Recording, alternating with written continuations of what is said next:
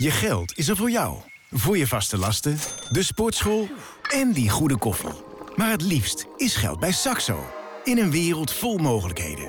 Want met zoveel manieren om te beleggen, tegen lage kosten, kan geld slimmer groeien. Saxo is waar geld wil zijn. Kijk op saxo.nl. Saxo. Be invested. Beleggen kent risico's. Je inleg kan minder waard worden. Hallo en welkom bij de IEX Beleggers Podcast van vrijdag 24 november. Het is Black Friday. Er wordt vandaag in Amerika maar een half dagje gehandeld. En daarna gaat iedereen zijn kerst aankopen doen. Met flinke korting natuurlijk. Uh, hier in Amsterdam staat uh, de AEX uh, nog rond de 760 punten. En het duizelt ons nog een beetje van de klinkende overwinning van de PVV bij de verkiezingen van afgelopen woensdag. Ja, Arend Jan Kamp en Niels Koerts, die zijn er vandaag niet. Dus wij mogen een keertje invallen. En wij, dat zijn dan Erik Maurits van Trade Republic. Welkom. Dankjewel. Leuk dat je er bent. En uh, Hildo Laman van de IEX Beleggersdag. Uh, dag. Desk. Desk. IEX Beleggersdag. Het is elke dag uh, feest. Uh, ja. in ieder geval. ja, jullie hebben zoveel bekende namen. Dus leuk dat je er bent. mijn naam is Janneke Willemsen. En ja, u kunt me misschien van Blondjes Beleggen beter. Hebben jullie er een beetje zin in? Absoluut. Altijd. Ja, nou, we gaan er een hele mooie uitzending van maken. Hoop ik. We gaan ons best doen. Uh, met onder andere Bayer, Nvidia, Microsoft en uh, ja, een paar interessante aandelen met een A. De triple A's, maar of ze ook echt zo gewaardeerd zijn als triple A impliceert. Het klinkt heel mooi, maar... Ja, dat gaan we zo meteen horen. Nou, en we sluiten natuurlijk af weer uh, met vragen van luisteraars. Dus we gaan beginnen. En we beginnen met de verkiezingen. Ja, het, het zoomt nog een beetje na. Hè? Klinkende overwinning van de PVV. Wat zegt de, uitslag? Zegt dat iets? Betekent het iets voor beleggers? Nou ja, goede vraag. Uh, het zou mogelijk iets kunnen betekenen als de, ja, de vergaande PVV-ideeën worden doorgevoerd. Het zou bijvoorbeeld slecht kunnen zijn voor banken, omdat ze willen natuurlijk ouderwets weer banken belasten. Ze willen een aantal milieumaatregelen terugdraaien. Dat kan ook effect hebben. Maar ik denk op korte termijn dat je in ieder geval op de AEX uh, weinig uh, effect zal zien. Ja, tegenwoordig is uh, sowieso het internationale, de internationale kader is zo belangrijk. Ook zeker voor Nederland. Dat de lokale politiek, en ik noem nu dan maar even lokaal. Um, dat bedoel ik dus niet de gemeentes, maar gewoon Den Haag. Dat dat eigenlijk op de beurs niet zo'n enorme invloed heeft. Nee, dat, nou zag ik wel een, een kop ergens voorbij komen van dat bankaandelen er inderdaad al wel een beetje op gereageerd zouden hebben. Waar zou dat mee te maken kunnen hebben? Nou, wat, wat, wat Erik zei, uh, denk ik. Ja, de PVV heeft echt een programma aangegeven dat ze de overwinsten van banken uh, even extra willen belasten weer. Ja. Uh, ja, of dat er doorkomt en gebeurt is vraag 2. En het kan natuurlijk uiteindelijk wel een soort impact hebben als dit een soort trend is. Je ziet natuurlijk al een aantal andere landen hebben ook een beetje nou ja, populistisch gekozen, om het zo maar te zeggen. Argentinië, nou, dat ver weg, maar die Milei, toen ging de beurs omhoog. Die is nog wat radicaler. Uh, maar als andere landen denken dat het ook gaat gebeuren, kan het wel effect hebben. Ja, en als je dan vooruit kijkt, dan hebben we natuurlijk volgend jaar uh, ook belangrijke verkiezingen. verkiezingen. ja, nou, hopelijk niet in Nederland. Nou, weet ik niet. ja, je weet het nooit. Maar misschien zijn we dan gewoon nog bezig met de formatie. Oh ja, dat hè? kan ook. Het hele jaar lang. Ja, dat lekker. kan ook. Ja. Nee, maar volgend jaar hebben we natuurlijk in Amerika, uh, uit eind van het jaar en begin van het jaar, Taiwan. Is dat nog iets om op te letten? Taiwan uh, lijkt er op dit moment op dat uh, de partijen die zeg maar enigszins uh, China gericht zijn of wat milder zijn, dat die gaan winnen. Dus dat lijkt op dit moment nog geen issue. Maar als daar opeens iemand aan de macht komt die extreem tegen China is, om het zo maar te zeggen, dan, dan kan het nog wel invloed hebben. Ja, nou laten we kijken naar uh, andere partijen die veel invloed hebben hier op de beurs. de ECB en de Fed. Is dat rentebeleid nog altijd het meest belangrijke thema op de beurs? Uh, ja, dat is, ik denk dat dat nog steeds een. Uh, dat, dat zie je ook continu aan uitslagen als het gaat over de vet. Uh, en als er iemand spreekt, dan zie je dat dat gewoon invloed heeft. Dus ik denk dat dat nog steeds gewoon een hele belangrijke factor is. Dat is, dat is niet weg, helaas. Nee, en, en op dit moment uit de notulen blijkt eigenlijk dat zowel de ECB als de Fed niet op het punt staan in ieder geval om die rente verder te verhogen. Maar wat de markt nu allemaal inprijst, is dat zowel de Fed als de ECB volgend jaar weer beginnen met verlagen. En dat is een van de redenen dat die beurs de laatste week zo omhoog gegaan is. Dat is nog maar de vraag. Of dat zo is, dat zal van de data afhangen. Dus Lagarde die probeert uh, de hele tijd de markt te vertellen... nou, ik weet het nog niet, het kan wel heel lang uh, hoog blijven.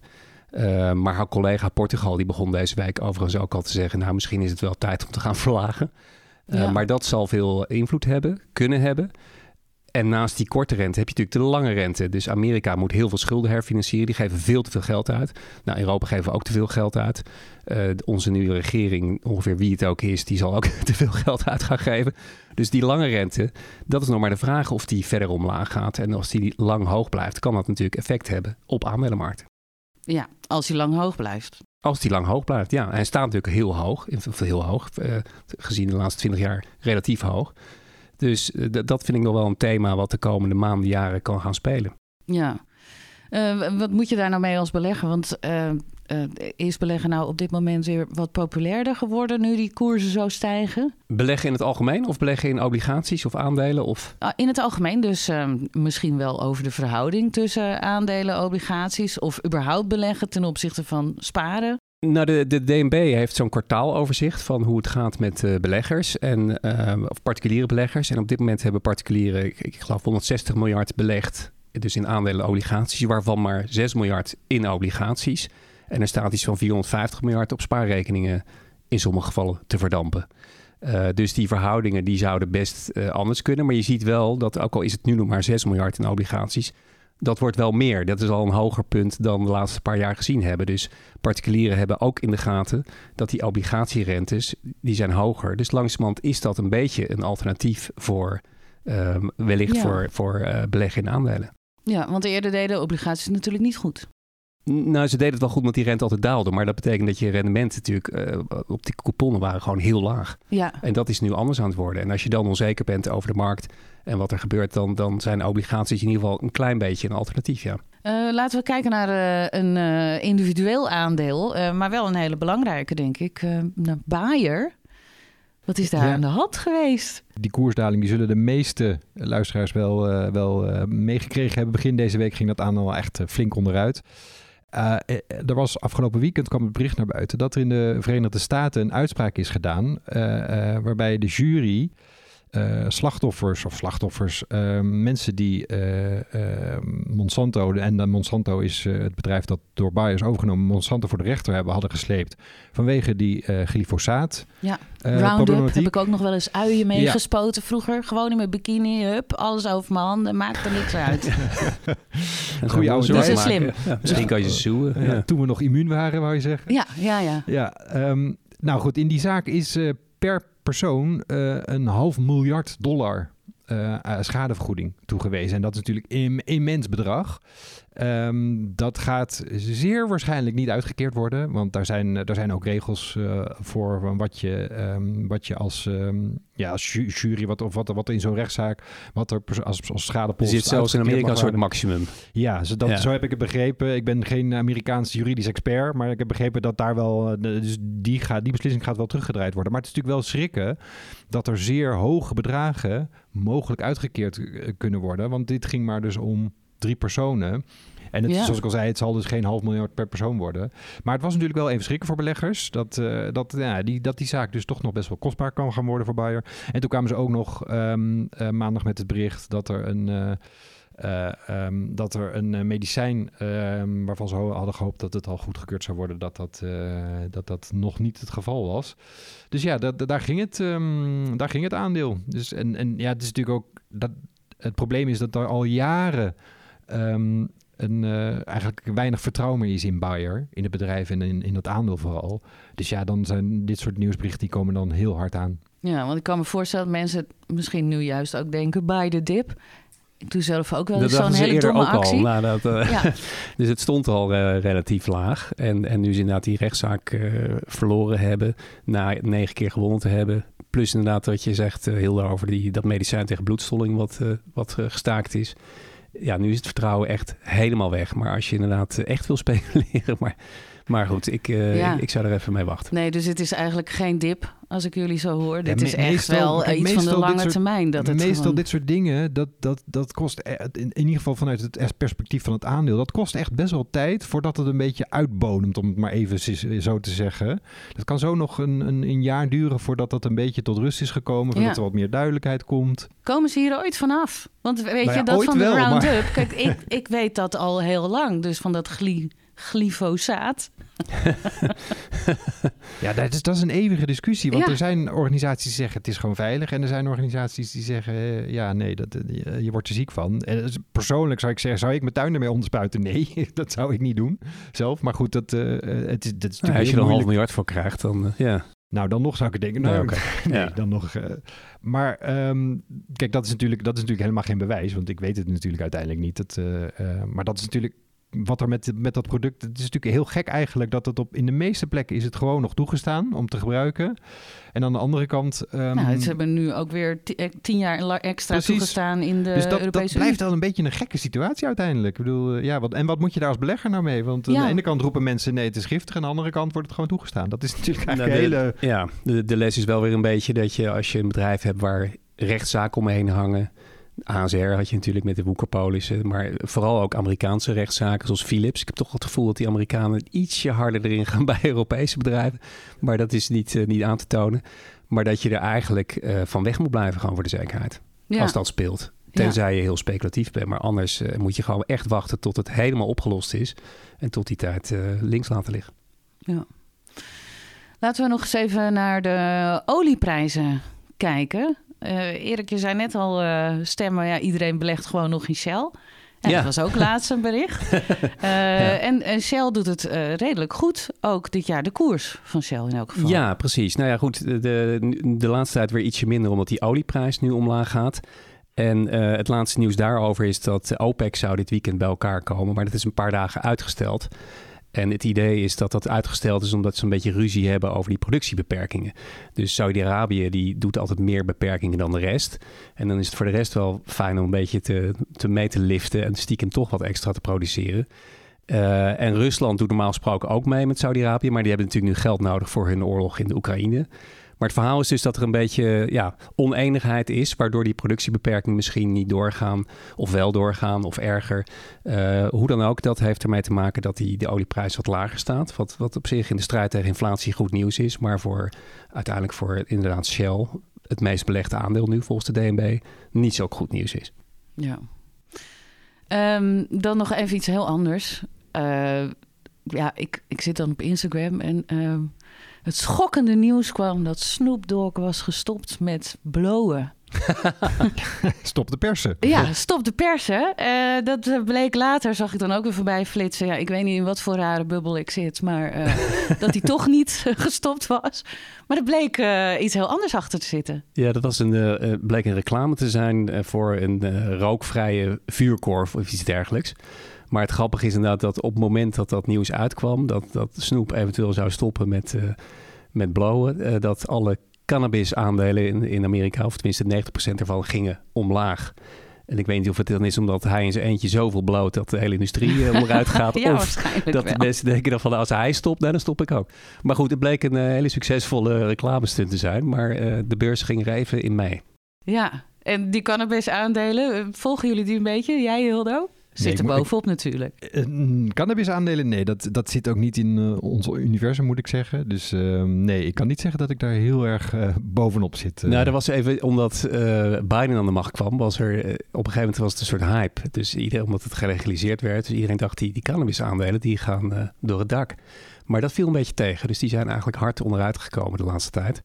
Uh, en dit hielp niet. Maar, maar goed, nee. dus ik, ik volg het ook niet heel erg. Maar het is in ieder geval zo'n soort hype die nu uh, even afgelopen is. Ja, ja, wel leuk om uh, mee te maken. Maar Snoep gaat door, dus dat is goed nieuws. Precies, gelukkig, gelukkig. Um, Black Friday gaan we het nog even over hebben. Het is vandaag Black Friday.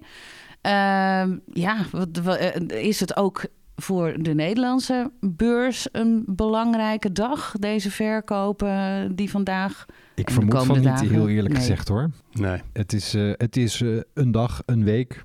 En um, is het belangrijk een klein beetje, laat ik zo zeggen. Ik, uh, ik zou mijn beleggingsbeslissingen absoluut niet af laten hangen van hoe Black Friday uh, verloopt. Nee, maar je hoort wel altijd van, eh, vooral voor de Amerikaanse beurs, van het is een, een, eigenlijk een indicator van eh, hoe staat consumentenvertrouwen ervoor. Voor, voor, kijk, voor heel veel bedrijven is natuurlijk het- het feestseizoen, als ik het dan zo maar even mag noemen, ehm, is natuurlijk wel belangrijk. Ehm, maar het is vaak ook weer niet alles bepalend. Dus, dus het is voor wat mij betreft, ik, ik ehm, ben, eh, zoals ik al zei, ik laat me niet heel snel door een, eh, door een hele goede of een hele slechte Black Friday eh, beïnvloeden wat betreft mijn eh, beleggingsvisie. Nee.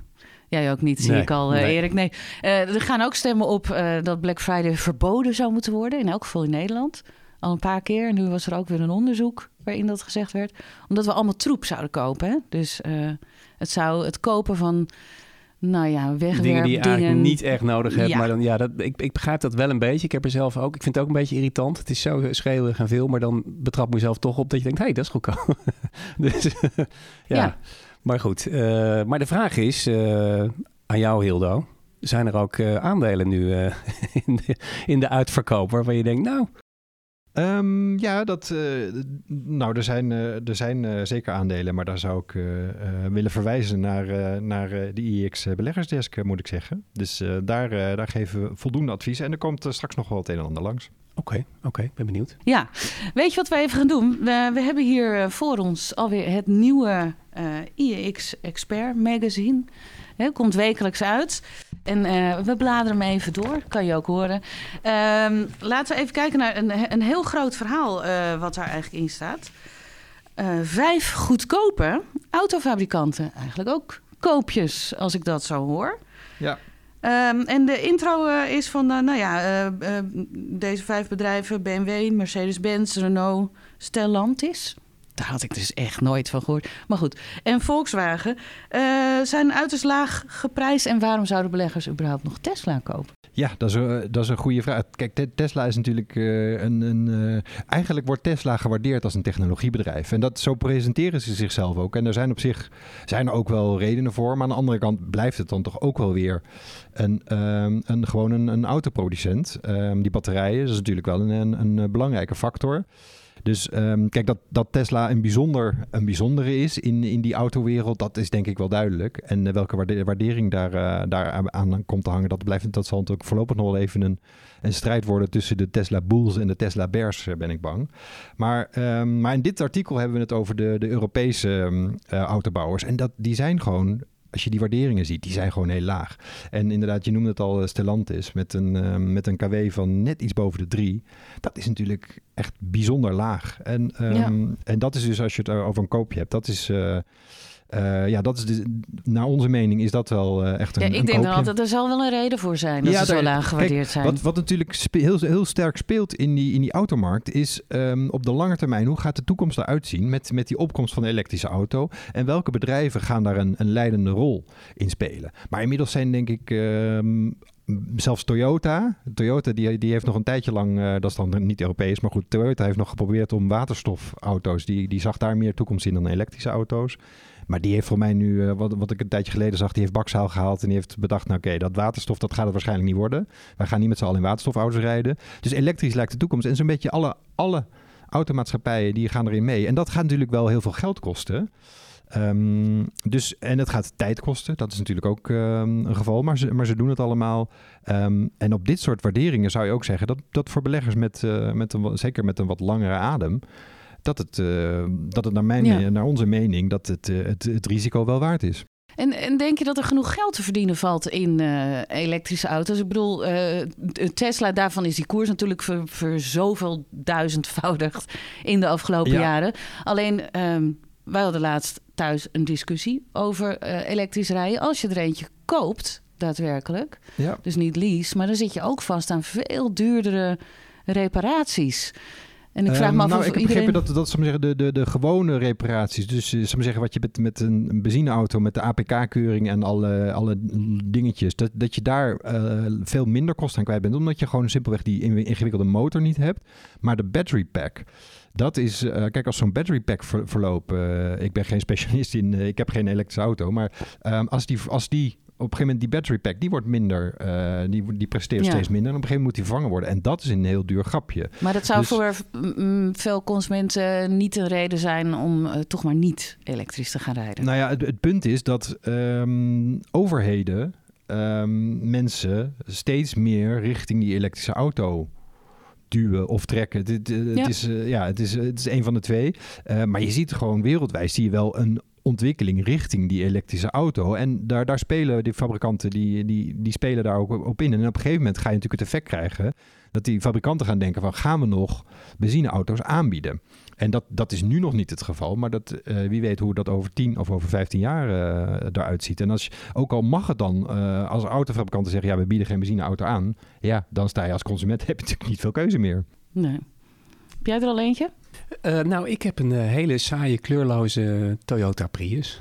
Oh, bah. Ja. Oh, dat vind een zo'n ook. Dus mensen denken ook dat ik een taxi ben. Dus die, maar goed, eh, weinig onderhoud. Hij rijdt. ja, prima. Maar ja, die is hybride, hè? Ja, maar Ja. goed, niet, niet een hele interessante. Maar ik, ik vond het magazine, ik heb het ook even door mogen lezen. En wat ik altijd leuk vind zijn columns. Dus of van, of van AJ, maar in dit geval Peter Paul de Vries. Altijd korte columns, die lees ik altijd over Atjen. En ik heb ook met eh, veel interesse gelezen de, de artikel van eh, Martin Krum over Just Takeaway versus Deliveroo. Vind ik ook altijd een leuk eh, onderdeel van het magazine. Er worden twee aandelen met elkaar vergeleken. Nou, zeker als je zoals ik de ongelukkige eigenaar bent van Just Takeaway, dan is het leuk om daar even over te lezen. Eh, en gelukkig, eh, maar lees het vooral zelf, eh, kwam Just Eat Takeaway er ietsje sterker uit dan Deliveroo. Maar als je die aandelen nou niet hebt, dan is het een leuke manier om even te kijken moet ik dan de een of de andere hebben of überhaupt. Dus dat, eh, dat viel me op.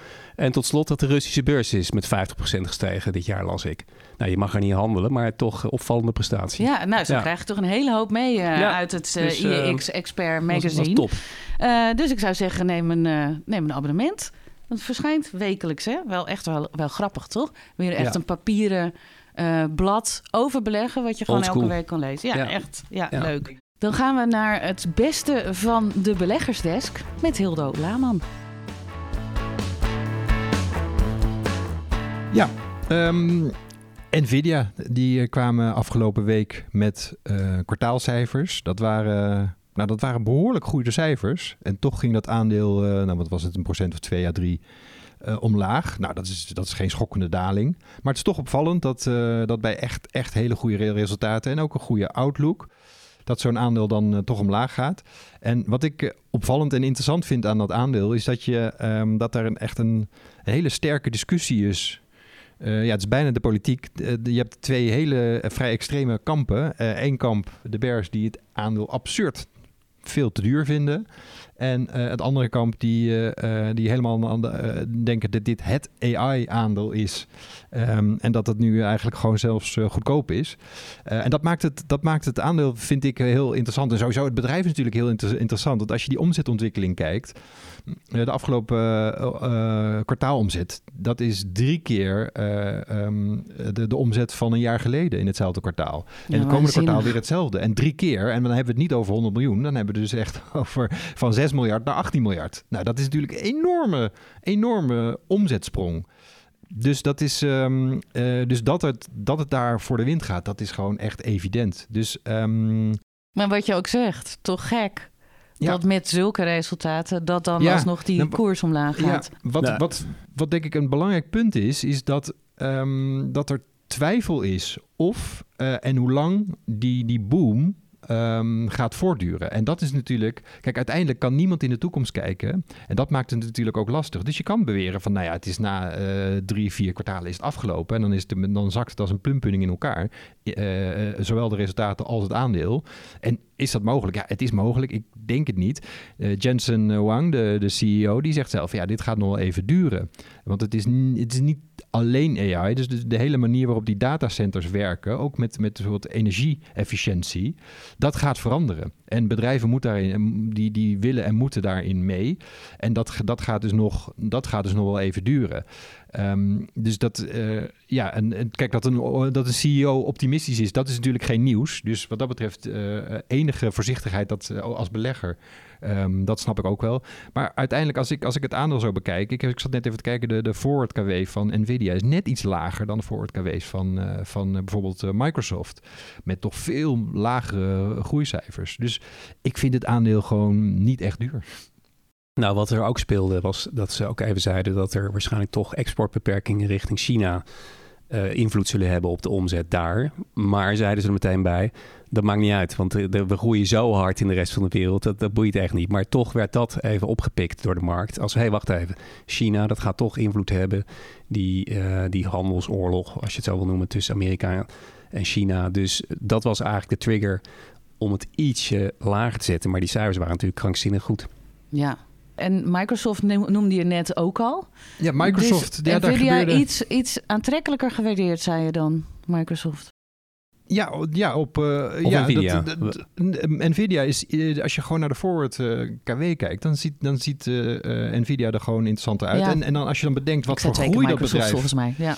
als je wat voor groei Nvidia nu doormaakt. En inderdaad, dat is natuurlijk een, de grote vraag die, die heel moeilijk echt te beantwoorden is met zo'n met dit soort bizarre uh, omzetontwikkelingen. Hoe lang gaat dat duren? Ja, dat, kijk, dat dit niet even gaat duren, dat weet iedereen. Dit, dit soort, kijk, een verdrievoudiging, dat gaan ze natuurlijk niet nog een keer doen vanaf dit niveau. Althans, dat lijkt me niet heel aannemelijk.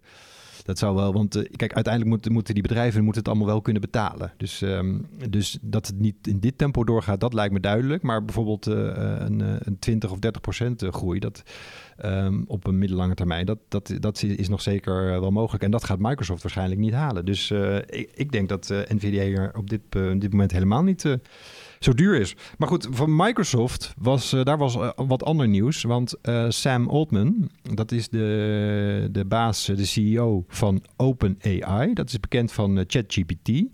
Die werd ineens eigenlijk vrij plotsklaps ontslagen. Um, en door, door de, de board van, van OpenAI. Um, en um, dat daar, toen dacht Microsoft. Microsoft is, um, is een, laten we zeggen, OpenAI is eigenlijk een soort non, uh, non-profit organisatie. En dat, was, dat, dat is een beetje ideeel. De, de, gedachte daarachter was van AI, dat wordt zo belangrijk en dat, dat, dat gaat zoveel invloed hebben, dat moeten we niet in een for-profit organisatie hebben. Dat moet een soort non-profit zijn. Maar het probleem is natuurlijk, het kost heel veel geld. Ja. En wie gaat er zo ontzettend veel geld in een non-profit organisatie steken? Want je hebt het over miljarden om, om dat soort modellen op te bouwen. Maar goed, die... Um, Um, Microsoft dacht dus, mooi, dan mag die uh, Sam Altman, uh, die mag bij ons ja, aan de Sam slag. Altman die was iets te veel met het geld bezig, uh, vond de board van OpenAI. Ja, ze hebben niet ja. echt heel duidelijk, iets nee, met communicatie. Het was een beetje, was duidelijk, een beetje vaag. onduidelijk. Ja, en toen ineens lag hij eruit. Ja, toen lag hij eruit. En, en toen, toen opeens... het personeel van OpenAI, die was er niet blij mee. Dus een behoorlijk grote groep zei van, nou ja, als hij gaat, dan, dan gaan wij ook. En Microsoft, die, die, die dacht van, nou mooi, wij kunnen wel wat AI-kennis en kunde gebruiken. Um, die, die, die heeft, uh, denk ik, Sam Altman gewoon opgebeld. Ik weet niet hoe dat is gegaan, ik was er niet bij. Maar ik neem aan ze gewoon hebben opgebeld. En nou, kom maar bij ons aan de slag. En, ja, want en... Microsoft zat ook al groot in OpenAI, toch? Ja, ja Microsoft heeft 49% van de aandelen. Maar zoals Hildo zegt, het is opgezet als een soort non-profit. Omdat ze zich zorgen maken, of zorgen maken. Ze willen ervoor zorgen dat AI ten, ten bate van de Ja. humaniteit wordt ingezet. En niet in de handen komt van grote bedrijven zoals allemaal Meta pratende en Google. staatshoofden hebben die de oorlog Precies. aan elkaar verklaren, terwijl het eigenlijk niet de echte personen zijn. dat soort dingen. dat ja. soort dingen. Maar goed, uiteindelijk is Microsoft er wel in gedoken. Die hebben natuurlijk enorm veel uh, profijt bij gaan het hebben. Die hebben het goed uh, opgepikt. Uh, maar die board, er zijn wel geruchten dat het echt over gaat dat die Altman A te commercieel was, maar B ook dat heel veel mensen zich zorgen maken over de veiligheid van, uh, van ChatGPT en AI in het algemeen. Ze blijken een of ander nieuw model te hebben, Q-Star. En dat is zo krachtig dat het in de buurt komt van uh, het, Artificial General Intelligence. En dat betekent dat je ongeveer zo slim bent als mensen. En dat betekent meer dat het zo slim zou kunnen zijn om ook menselijke controle te kunnen ontwijken. Nou ja, weet je, dat, en dat zou gevaarlijk zijn. Daar zou, maken ze mensen zich zorgen over. Dat zou ook mee kunnen spelen. Dat die Altman toch te veel richting commercie gaat. En voor Microsoft is het heel gevaarlijk. Want nou ja, er hangt zoveel aan AI en, en open. Dat als die tent uh, onderuit gaat omdat het personeel weggaat, dan hebben ze een probleem. Dus hij heeft, ze hebben heel katachtig gereageerd. Meteen iedereen een baan aangeboden, ook al het personeel. Microsoft ging omhoog. Toen ging die weer terug, Sam Altman ging Microsoft ook weer omhoog. Dus wat dat betreft hebben ze het gewoon... Uh, nu ben ik even kwijt. Waar zit Sam ja. Altman op dit moment dan? Bij Microsoft of bij OpenAI? Hij is weer terug.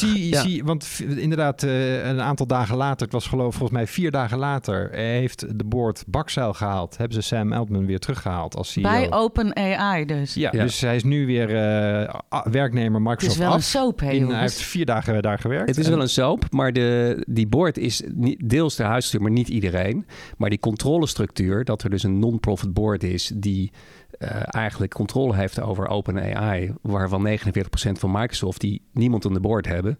Dat is de vraag hoe dat verder gaat ontwikkelen. Microsoft ja. vindt dat natuurlijk niet zo leuk. Nee, de, de, het lijkt er wel op dat, dat OpenAI wat commerciëler gaat worden.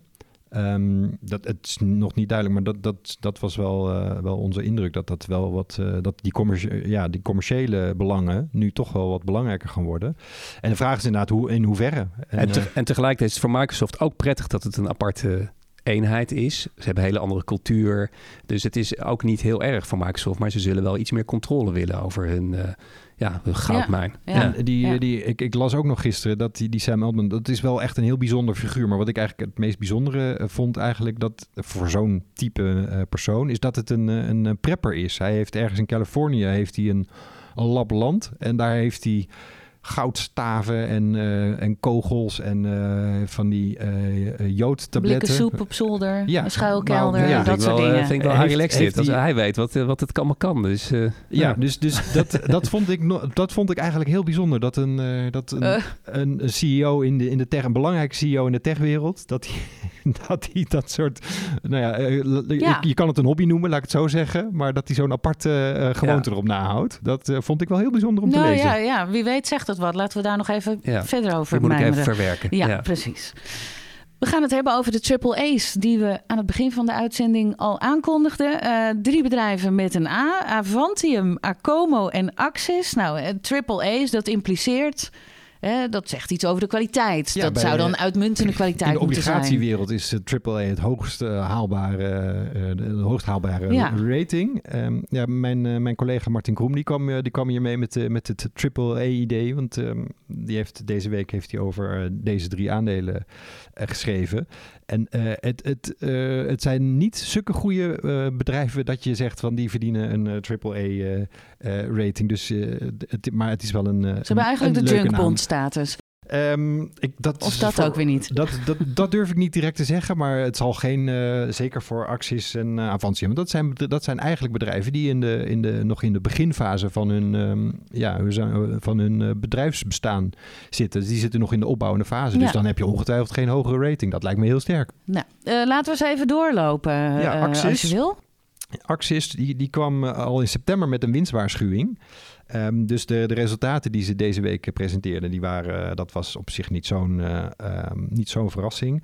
21% omzetstijging, nou dat is op zich wel eh, ehm, niet onaardig, laat ik het zo zeggen. Maar de underlying EBITDA die was wel 64% lager. Dus, maar zoals ik al zei, daar, daar was al voor gewaarschuwd. En er is ook een, er is een daar kwamen ze mee naar bui- ook mee naar buiten deze week, een financieringsronde geweest. En ze hebben in totaal 24 miljoen opgehaald. Maar dat betekent dus wel verwatering. Eh, nu al zijn er extra aandelen uitgegeven. En dat zou nog meer kunnen worden, want ze hebben een, een convertible loan note uitgegeven. En dat betekent dat er in de toekomst mogelijk nog wat extra aandelen ehm, uitgegeven gaan worden om, eh, om die eh, convertible eh, eh, houders tevreden te stellen. Dus dat is voor bezittende aandeelhouders natuurlijk per saldo. Kijk, het is goed dat zo'n bedrijf ge- gefinancierd heeft, want zonder financiering, ja, dan houdt het sowieso op. Alleen voor zittende aandeelhouders is het natuurlijk wat minder leuk nieuws. Dus ehm, dat was, eh, ja, en het, wat, wat ik wel interessant vind aan de acties, eh, voor mensen die nu niet weten, zij doen aan duurzame houtveredeling. En eh, op zich is dat denk ik een, eh, ja, ik vind dat heel nobel en ik hoop ook dat zo'n bedrijf het redt. Eh, maar het is natuurlijk, kijk, als je software verkoopt, dan kun je dat eindeloos kopiëren. Maar wat zij doen, ja, dan moet je dus Eh, kun investeren je iets in... vertellen over wat duurzame houtveredeling? ik wat moet stellen we zeggen, ons het proces, voor? Nou, zij, zij hebben dus een proces. Kijk, als jij eh, weet ik, bijvoorbeeld een, een, een houten kozijnen of een houten gevel eh, maakt, dat, dat hout dat, dat moet natuurlijk bewerkt worden, want anders rot het weg waar je bij staat. Of je moet het om de havenklap gaan, gaan verven. Nou, dus, en daar kun je dus, dat kun je met allerlei chemi chemicaliën kun je dat doen. Dat hout veredelen bewerken. Uh, maar zij hebben daar een duurzame oplossing voor. Dus dat je het hout zo kan bewerken dat het lang meegaat uh, als je het gewoon gebruikt in, uh, in de bouw. Dus op zich is dat denk ik een, een, een mooi product. Alleen het probleem is, zoals ik al zei, je moet natuurlijk daar wel de fabrieken voor hebben. En dat kost natuurlijk een hele hoop geld. En dat is voor zo'n jong bedrijf, zeker in, in deze tijd met, uh, met hogere rentes en, en beleggers die toch ook wat meer eisen stellen, um, is dat, uh, is dat uh, niet zo makkelijk. Dus um, ze zitten bijvoorbeeld ook met een fabriek in, in Engeland, um, die eigenlijk half af is en waar eigenlijk op dit moment geen financiering voor is. Dus dat is dan ook, dat is best wel een probleem voor zo'n uh, bedrijf. Maar uh, zoals ik al zei, het erg, ergens ook alweer zou, het zou mooi zijn als dit uiteindelijk allemaal lukt. Ja, dat, dat was dan Axis. En dan hebben we er nog twee. Avantium, uh, daar, daar was een leuke samenwerking met Ahold op gang gekomen? Ja, uh, Ahold gaat, uh, Avantium, voor mensen die niet weten, die, die maken een soort bioplastic, als ik dat goed zeg. En uh, PEF, dat is een soort duurzame polymeer. Ik ben geen chemicus, maar een, een duurzame polymeer. En daar kun je dus gewoon um, flesjes van maken. De, de vroegere petflessen, of de vroegere de, de petflessen die iedereen kent in de supermarkten. Die flesjes, in dit geval Albert Heijn vruchtensappen. Uh, de huismerk vruchtensappen, die gaan alle, die, die flesjes, dat, die worden straks allemaal gemaakt van de, de PEF, de PEF, ik weet eerlijk gezegd niet hoe je het uitspreekt, van, van Avantium. En dat is natuurlijk op zich interessant dat een, een vrij grote supermarkt al die flesjes nu van um, materiaal van, uh, uh, van Avantium wil gaan maken en niet van de oude de plastic polymeren. Ja. Um, de, de, de, chemische de verschillen, dat eh, durf ik, daar, daar ga ik me aan handen niet aan branden, dat weet ik niet. Maar dat is natuurlijk een, een interessante ontwikkeling voor zo'n voor zo'n bedrijf. En de resultaten, of gewoon de omzet, dat zal niet al te groot zijn voor zo'n avantie. Maar het is natuurlijk wel een goed teken en mogelijk geeft het ook andere bedrijven vertrouwen in, in, die, in dat product.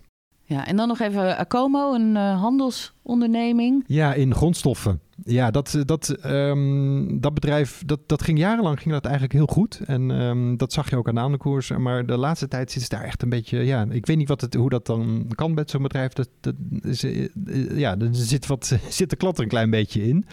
Um, die hadden een tussentijdse update. Dat, eh, dat doen ze normaal gesproken niet, zo'n zo'n update. En, um, maar er, was, er is wat onrust, want 1, per 1 november is bijvoorbeeld de CEO... Heel, Kathy uh, Fortman, dus een uh, Amerikaanse. Die is uh, vrij plotseling opgestapt en eigenlijk zonder opgave van redenen. Nou, dat is Sam meestal... Altman. Ja, maar die ja, komt dus, niet terug. Nee. Nou, ze, ze, ze heeft nu heeft ze drie weken de tijd gehad en ze is nog niet terug. Dus, um, maar dat is natuurlijk op zich al best opvallend als zomaar een CEO ineens op, op, opstapt. Dan ga je toch denken van wat speelt daar dan? Um, want als er bijvoorbeeld privé-redenen zijn, nou dan wordt dat meestal al gezegd.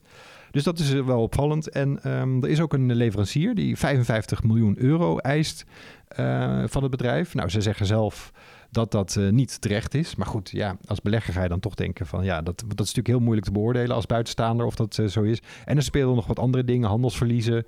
Dus het, het, het rommelt een klein beetje. Um, en vandaar dat ze met een tussentijdse update eh, kwamen, wat ze normaal gesproken niet deden. En dat bevatte wat plussen en wat minnen. Uh, maar die onzekerheid uh, die er nu een beetje rond dat uh, bedrijf hangt, ja, die, ja. dat zie je dus terug in het rendement year to date was bijna 9% in de min. Ja. Uh, dat gaan we die laatste zes weken van het jaar natuurlijk niet goed maken, denk ik, als ik dat zo hoor. Ik vermoed van niet. Nee, nee. Ik denk dat, kijk, ik denk dat beleggers die willen wel gewoon eigenlijk even weten wat, wat is hier aan de hand en uh, komt dat allemaal weer goed. En dat, uh, zoals ik al net zei, vaak kost dat even tijd. Ja. En dan gaan we nu naar de luistervragen.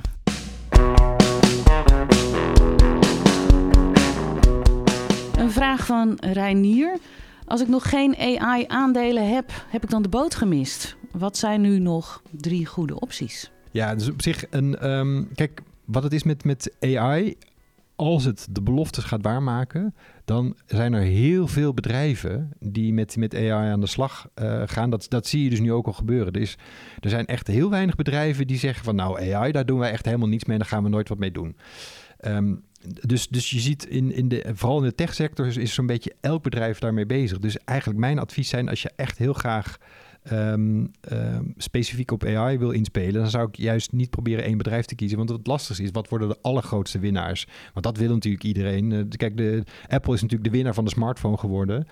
Um, we hadden het eerder al uh, over Nvidia. En dat is natuurlijk zeker nu een, uh, zeer duidelijke, op dit moment een zeer duidelijke winnaar. Maar de, maar de toekomst is onduidelijk. En het aandeel is ook, in, ja, dat aandeel is al, wat was het, ja. 240% gestegen. Ja, dus, maar je zou dus zeggen van gok, of gok, zet niet in op één aandeel, maar ik zou zelf, neem een sector-ETF of zo. Ik, ik zou inderdaad bijvoorbeeld een, een, een tech-ETF en dan um, je, je, kunt hem wereldwijd. Uh, ik zou misschien ook opteren voor een Amerikaanse tech-ETF, omdat daar, daar zie je wel dat de, de, de voorlopers, dat zijn toch wel veelal Amerikaanse bedrijven, zoals het, uh, zoals het er nu uitziet. Ja, ben ik het helemaal mee eens. Uh, Amerika loopt hier ver voorop. Dit is ook bijvoorbeeld een vlak waar China op dit moment nog niets echt heeft. En uh, ja, zeg maar, wie, wie gaat de winnaar worden? Microsoft had het net even over. Dat kan heel goed uitpakken. Maar er zijn ook risico's. Nvidia, als er een concurrent komt. Dus ik zou eerlijk gezegd uh, gewoon een Nasdaq ETF kopen. En dan uh, als, dat, als het echt de toekomst wordt... Het kan kort termijn natuurlijk omlaag gaan. Maar uiteindelijk ga je dan profiteren. Oké, gaan we naar de volgende vraag. Uh, van Wouter was die. Wat gebeurt er met de waarde van call-opties? Call staat tussen haakjes. Uh, wanneer een bedrijf wordt overgenomen? Ja, Um, dat de beurzen bepalen die regels over dat soort, um, de afwikkeling van dat soort zaken. En um, in dit geval bij een Euronext, die rekent af op, met de zogeheten fair values, een soort eerlijke waarde. Op het moment dat er zo'n overnamebod komt, dan gebeurt er eigenlijk niks met de opties. Behalve dan uiteraard de koersreactie, die heb je natuurlijk wel. Um, vervolgens heb je dan zo'n, dan gaat er meestal een periode overheen voordat zo'n bedrijf daadwerkelijk van de beurs verdwijnt. Maar als zo'n bedrijf dan uiteindelijk echt van de beurs uh, verdwijnt. En het is overigens een, een cashbot. Dus uh, aandeelhouders krijgen gewoon een cashbedrag. Ja, dan verdwijnt het aandeel natuurlijk van de beurs. En dan hebben die opties, ja, daar is dan geen onderliggende waarde meer voor. Wat gebeurt er dan? Op, op die laatste handelsdag worden uh, die opties, daar wordt door de Euronext met een hele formule, en daar zal ik niet te, diep op ingaan, want daar zijn we al even bezig, wordt er een soort eerlijke waarde um, bepaald per optie.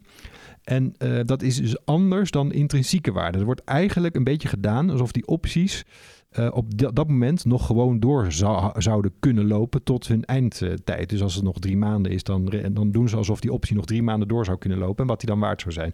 Dat is feitelijk wat ze doen. En dat krijg je als houder van zo'n optie, krijg je dat uh, dan gestort. Maar als je short zit, dan moet je dat dus um, uh, betalen. Dus ja. dat is, en dat is anders dan intrinsieke waarde. Ja, interessant. Dankjewel. We hebben er nog één. Een, uh, kijkers, een kijkers, een luistervraag. Uh, uh, een vraag van Jens. Wordt 2024 een goed beursjaar? En welke factoren zullen daarvoor zorgen? Welke aandelen zullen er het meest van profiteren? Kortom, hebben oh, jullie een, een glazen bol? Ja. nou, ik denk dat dat, zoals ik eerder zei, ik denk dat het in grote mate afhangt van inderdaad in hoeverre die centrale banken gaan verlagen volgend jaar, die, die rentes. En ook wat er gebeurt met de lange rente. Die twee dingen, dat zal invloed hebben. En tot slot, komt er dan toch eindelijk weer een recessie of niet? Um, wat gek genoeg ook weer positief kan zijn, want dan moeten die centrale banken de rente verlagen. Maar dat, uh, dat die schizofrene reactie, dat uh, laat ik even midden. Maar de belangrijkste factoren zijn denk ik toch die, die rentes. Ja, en ik begrijp dat jullie natuurlijk allerlei mitsen, maar jullie weten het absoluut niet 100% zeker. Maar even jullie mening. Als je nou moet zeggen, het wordt een goed beursjaar of er wordt een minder goed beursjaar 2024, Hildo? Nou, wat ik eigenlijk altijd op dat soort vragen beantwoord, is gewoon puur statistisch gezien is de kans gewoon het grootst dat, uh, dat 2024 uh, hoger wordt dan, dat, die kans is groter dan lager. Dus ik zeg dan altijd heel simpel statistisch, omdat, omdat de beurs voorspellen, ja dat weet eigenlijk iedereen, de beurs echt goed voorspellen is gewoon verdraaid lastig, zeker op lange termijn. En statistisch gezien is de kans dat je hoger, hoger de, het jaar Oké, uitgaat. dus jij is, zegt is statistisch beter. gezien gaan we voor een beter beursjaar. Ja, en jij? gek genoeg, als je echt lange termijn kijkt, is het weer makkelijker te voorspellen. Althans, Precies. historisch gezien. Namelijk, gaat de beurs omhoog? Nou ja, ik ben lange termijn belegger. Dus, Ja, maar we hebben het over één jaar. Jammer, ik, joh. ik, uh, ja, daar ga ik gewoon omheen lullen. ja, maar dat, nee, nu even kiezen. Nou, laat ik het zo zeggen. Ik koop gewoon altijd door. Dus Ja. volgend jaar ook. En Ja. als het omlaag gaat, dan koop ik ook door. Maar dan koop ik tegen een lagere prijs. Dus dat is heel gunstig. Ja, precies. en dan ben ik ook nog even benieuwd, want uh, we zijn alweer bijna aan het einde van uh, deze uh, podcast. Um, ja, het is natuurlijk een, een beetje geëikte vraag, maar ik wil het toch weten. Uh, komt er nog een eindejaarsrally? Uh, als je nu terugkijkt vanaf 30 oktober, toen sloot de AEX nog op 714 punten. Ehm, nu toch alweer bijna 7% erbij, 6,7 eigenlijk. Is dit hem eigenlijk al? Komt hij nog? Uh, telt dit al als eindejaarsrally? Wat vinden jullie? Nou, daar, daarvoor, um, ik heb ook weer eens heel eventjes in de statistieken gedoken. Want uh, op, de korte termijn, uh, de beurs voorspellen is nog moeilijker dan op, op, over een, een heel jaar. Want dat is eigenlijk een muntje opgooien wat de volgende maand gaat doen. Maar ik ben eens even gaan kijken wat de maand december gebracht heeft. En voor de AEX is december over het algemeen de beste maand. Dat is de, de maand met gemiddeld genomen de, het hoogste rendement. Dus dat lijkt dat het lijkt alsof er een soort van december eindejaars effect is in de, de AEX.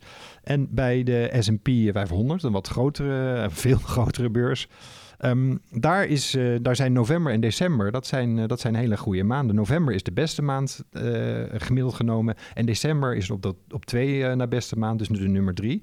Dus ook daar lijkt wel een soort van eindejaarseffect mogelijk dus te zijn. Dus de kans dat het nu weer gaat op de statistieken, um, ziet het, zou, ik, zou, ik, zou, zou ik nu ook zeggen, als ik moest gokken, dan denk ik hoger. Maar ik kijk bijvoorbeeld een eindejaarsrally, dat klinkt natuurlijk als 5% of misschien wel meer. En die kans daarop is natuurlijk niet zo heel groot. Nee, maar mogen we rekenen vanaf 30 oktober? Want dan hebben we wel bijna 7% dan zijn we, in Dan zijn we al een aardig end. Wat, wat er natuurlijk gebeurt is dat er zijn veel vermogensbeheerders. Dit jaar gingen met name die Magnificent Seven omhoog.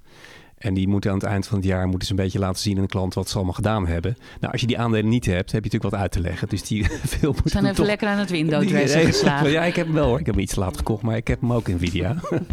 dus over het algemeen uh, zie je dat effect. Maar laat ik gewoon ook uh, koffiedik dagen en contrair. Er gaat helemaal niks meer gebeuren deze komende maand.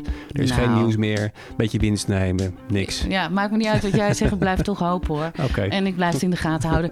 Uh, dankjewel Erik Maurits. Fijn dat je er was. Dankjewel Dankjewel Hildo. Ook leuk. fijn dat je er, jullie ja. er waren. Ik vond leuk, het hartstikke bedankt. leuk. Um, nou, volgende week dan is de IEX Beleggers podcast er weer. Dankjewel voor het luisteren en uh, heel veel succes op de beurs natuurlijk de komende week.